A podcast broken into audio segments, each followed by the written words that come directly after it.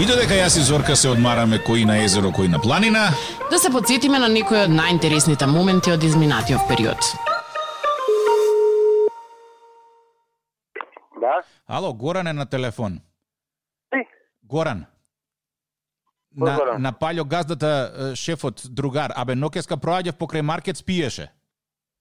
води бегај там. Како бегај таму, бе, друже, не се спие на работа сега, колку пати да се караме да се расправаме за тие работи. Абе, не ми досаѓа кој. Кој е на телефон? Абе, како кој е на телефон, бе, човек, спиеш на работа, викаш кој е на телефона, бе, дај не ме зезај. Не сум спал на работа, јас ни една секунда. Ја, а камерите да ги отвориме да видиме дали си спиел на работа? Абе, Злате, Не е злате, Горане. Злате. Не е злата? Еве и шефицата. Да. Не е злата. Не знам за кој злата збори. А? На работа во Не знам Дуќан. јас. А каде тоа? Абе, кој ден е денеска? 27. Фала, јас се знам дека... Не е злата, тик Не, так не, и Така Зорка се кога од радио Злате 2. гласот ми е. Честиткава ти од кого? Од Драган, ако не се лажам.